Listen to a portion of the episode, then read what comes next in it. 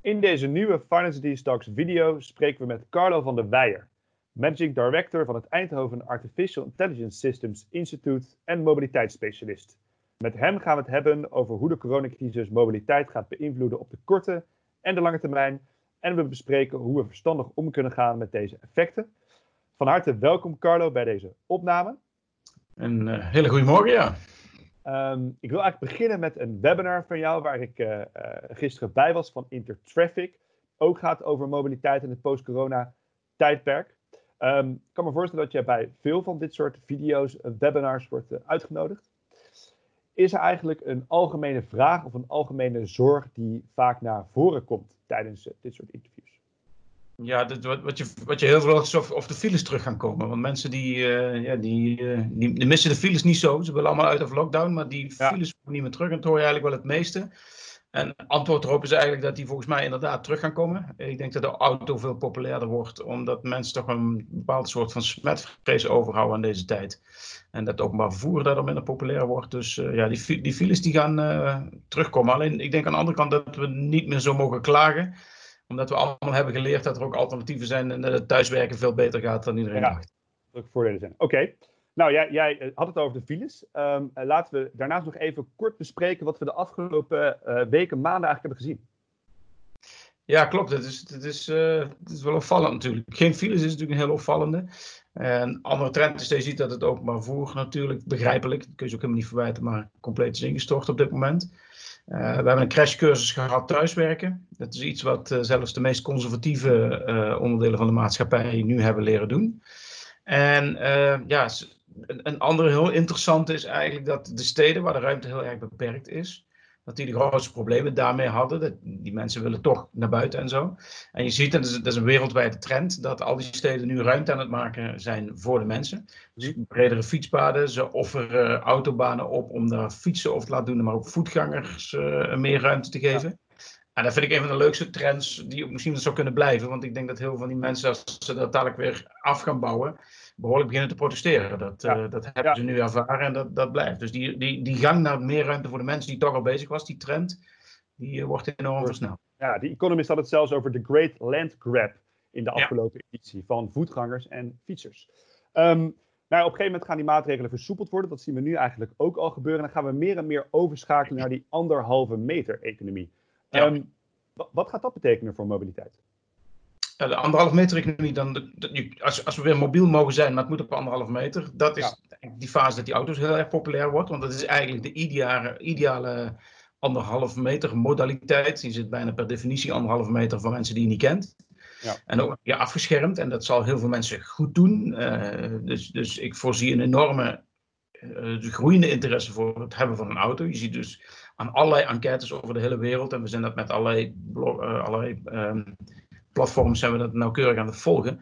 Zie je dat alle enquêtes inderdaad uitwijzen dat mensen van zin zijn om van het openbaar vervoer over te stappen in de auto. Dus dat is wel iets wat in ieder geval in die anderhalve meter tijd uh, zal gebeuren. De fiets, een andere individuele modaliteit, waar je ook niet afhankelijk bent van anderen om je afstand te, be te bewaren en zo. De, die, de, dat is inmiddels ook de grote winnaar van deze tijd. Mm -hmm. Ook niet alleen in Nederland, maar eigenlijk wereldwijd. In Amerika ja. zijn er wachttijden op bestellen van een fiets, die zijn compleet uitverkocht. Ze zijn niet aan te slepen letterlijk. Dus dat zijn de twee individuele modaliteiten die heel goed functioneren in een anderhalve meter samenleving. En dat is het openbaar vervoer natuurlijk per definitie een probleem. Ja. Uh, de capaciteit van de openbaar vervoer valt terug naar ongeveer 25 tot 40 procent. Uh, en nog los van het feit dat het heel ineffectief is, zul je dat ook terugzien in eigenlijk de enorme kosten voor het openbaar vervoer, die al behoorlijk hoog liggen. Die worden daar nog hoger. En uh, ja, dat gaat ook voor de politiek op een gegeven moment een moeilijke beslissing zijn om die enorme ineffectieve modaliteit uh, ook op langere termijn te steunen, mocht die anderhalve meter blijven. Maar goed, dat is allemaal hopelijk redelijk tijdelijk. Oké, okay, en dat andere vervoersmiddel waar anderhalve meter handhaven lastig is, vliegen. Wat gaat daar ja. gebeuren, denk je? Ja, dat is, dat, is, dat is een heel interessante. Ik denk vliegen, en ik, ik heb ook mijn columnist in het FD, dus de komende zaterdag gaat het ook daarover. Uh, dat, dat, vliegen, dat, zijn we op zich ook wel blij mee dat het tijdelijk weg is. Mensen genieten echt oprecht van de streeploze lucht. Dat is ook iets nieuws. Ja. En nou hebben we ook wel heel veel droge oostenwind, dus dat wordt nog eens overdreven dat allemaal de vliegtuigen komt. Maar goed, dit, dit, dit is iets waar we toch wel hebben stilgestaan. Het kan ook zonder dat soort vervuiling. En uh, dus ik denk dat de, de, de tegenstanders wel weer een extra argument hebben om sneller te pushen om dat probleem op te lossen. Ik denk niet dat het probleem opgelost kan worden door minder vliegen die verwevenheid die wij hebben over de hele wereld, dat, is een groot goed. Dat zie je vooral de jeugd natuurlijk enorm van genieten. Dat laten zich niet meer afnemen. Dan kun je wel zeggen dat zakenmensen ook hebben ontdekt dat zij ook een videoconferentie kunnen hebben met China zonder er naartoe te gaan. Mhm. Maar ik denk dat dat geklaag van zakenmensen van ooit oh, moet toch zoveel op reis, dat was allemaal maar voor de bühne. Uh, ik, ik, denk dat mensen vooral op reis gingen omdat ze er ontzettend van genoten. Mensen worden gelukkig, dat is ook een wetenschappelijk bewezen van reizen. En dat laten ze niet afpakken, daar willen ze zelfs wat enig risico voor nemen. Dat is ook gedurende de anderhalve meter wel wat problematisch. Maar het is op een of andere manier vreemd dat je met een mondkapje en dat soort dingen en iets minder bezetting, dat de luchtvaart toch wel weer op zal starten. Maar ook daar, de blijvende smetvrees zal er de komende jaren nog een behoorlijke dip in het aantal passagiers betekenen. Ja, ja, dus dat duurt nog even voordat het zich gaat herstellen. Ja, maar um, wel terug. Dat is dus, gaat wel terugkomen, ja. Um, nou ja, op een gegeven moment gaat er een moment komen waarop we in het post-corona-tijdperk leven. Er komt een vaccin. Um, we hadden het er net al grappend over dat we elkaar allemaal om de hals gaan vliegen, want het kan weer. Het probleem is opgelost. Um, hoe gaat mobiliteit er dan uitzien? Zijn er effecten die nog steeds zichtbaar blijven, denk je? Ja, ik denk, ik denk inderdaad dat we inderdaad vier minuten na, na, na de vondst van het uh, vaccin, dat we allemaal weer het vliegtuig instappen en het openbaar vervoer gewoon helemaal vol kan en, en, en overal alles weer heel snel terug is. De enige dingen wat zou blijven, zijn, een paar dingen. Wat, wat blijvende smetvrees, denk ik toch wel. En ook heel veel mensen die nu gezien hebben dat ze, bijvoorbeeld als ze geen auto hebben en afhankelijk waren van het openbaar vervoer, dat ze daardoor een enorme hoeveelheid vrijheid hebben ingeleverd. Terwijl de mensen die een auto hadden eigenlijk niks aan vrijheid hebben ingeleverd. Sterker nog, die zijn veel meer hun auto gaan gebruiken om toch nog een beetje de, uh, mobiel te blijven. Dus er is in de, in de vrije tijden buiten de spits om eigenlijk alleen maar meer gereden dan, uh, dan voor de coronacrisis. Maar dat, dat zal toch een blijvend effect hebben, want dat zal me niet nog een keer gebeuren. Dus ik denk dat die populariteit van die auto enorm toe zal nemen. Naast dat ook die populariteit van de fiets zal blijven. Dus ik denk dat er wel een beetje een blijvende knauw is en een verschuiving van openbaar vervoer naar individuele modaliteit. Mhm. Dus dat is, dat is één ding wat, wat toch wel zal blijven. Dat andere effect wat ik al noemde, is dat mensen nu gewend zijn geraakt dat er veel meer ruimte gecreëerd wordt in steden voor de langzame modaliteit. Hè. Je ziet er nu allerlei acties en petities om dat nu meteen die kans te pakken om het ook zo te houden. Mhm. Maar eigenlijk zijn dat alles wat ik noem, zijn trends die toch al eigenlijk een klein beetje aan het gebeuren waren en nu een enorme versnelling krijgen. Meer thuiswerken, de file minder erg vinden, dat, dat openbaar vervoer wat toch een populariteit altijd, altijd wat tegenwind had. Uh, de straten die we terug aan het winnen zijn. Dat waren eigenlijk trends die al bezig waren of voorzien waren en nu een enorme versnelling krijgen.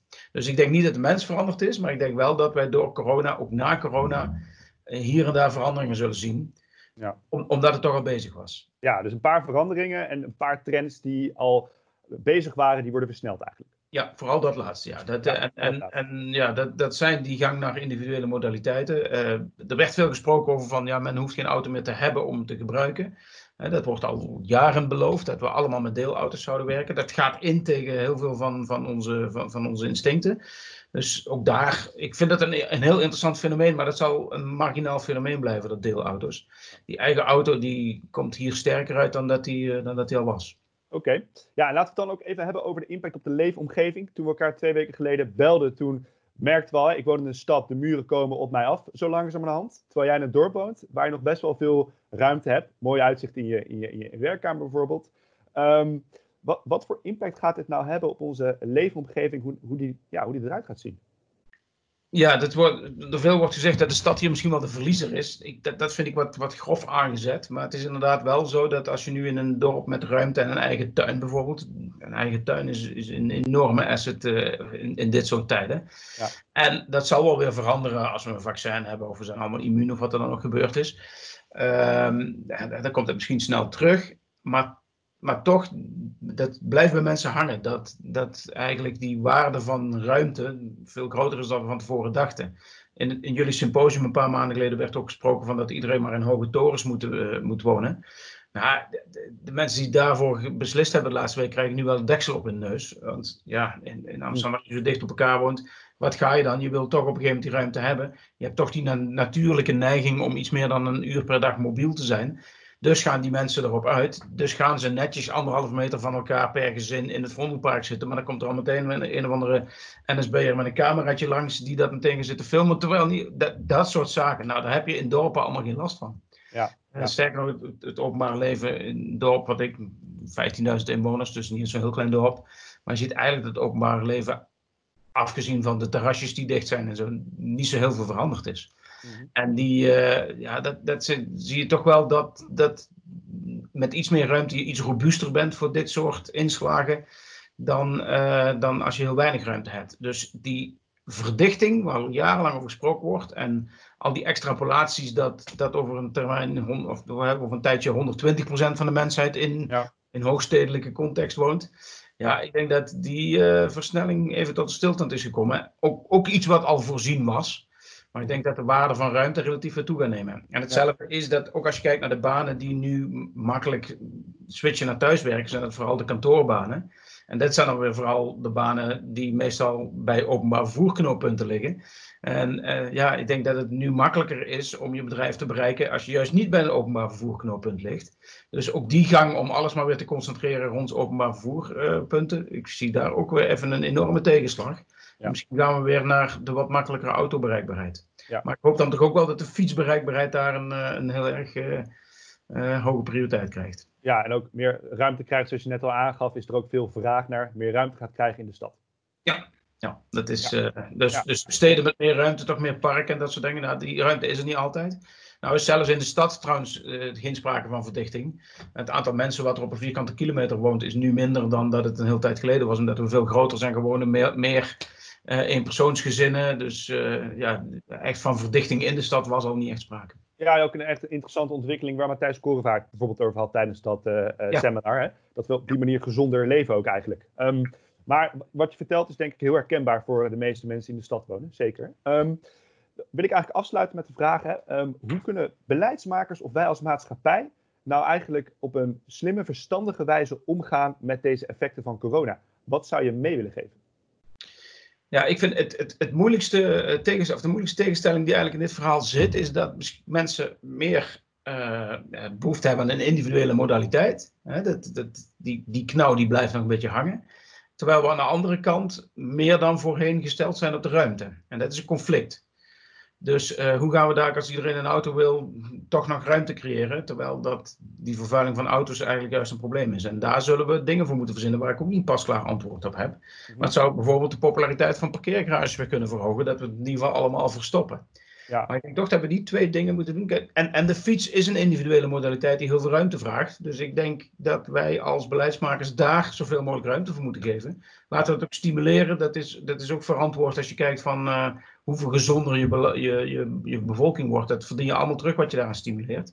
Dus ik, ik denk dat we dat conflict, daar moeten aandacht voor hebben. Hoe krijgen wij die, die wens tot meer ruimte, ook in steden? Dus minder vervuiling door parkeren, geeft de straat weer terug aan de mensen. We hebben nu ervaren hoe fijn het kan zijn. Hoe krijgen we dat geïmplementeerd zonder dat wij die stad zo impopulair maken omdat mensen geen individuele modaliteit aan kunnen?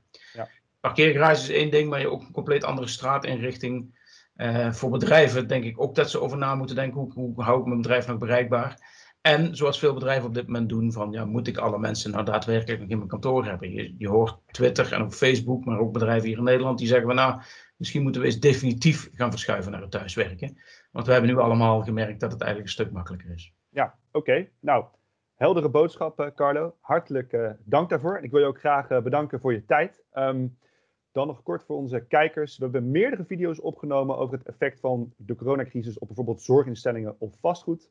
Deze zijn onder andere te vinden in um, de beschrijving van deze video. Um, nou, dank wederom uh, Carlo en uh, dank uh, kijkers dat jullie vandaag weer hebben gekeken.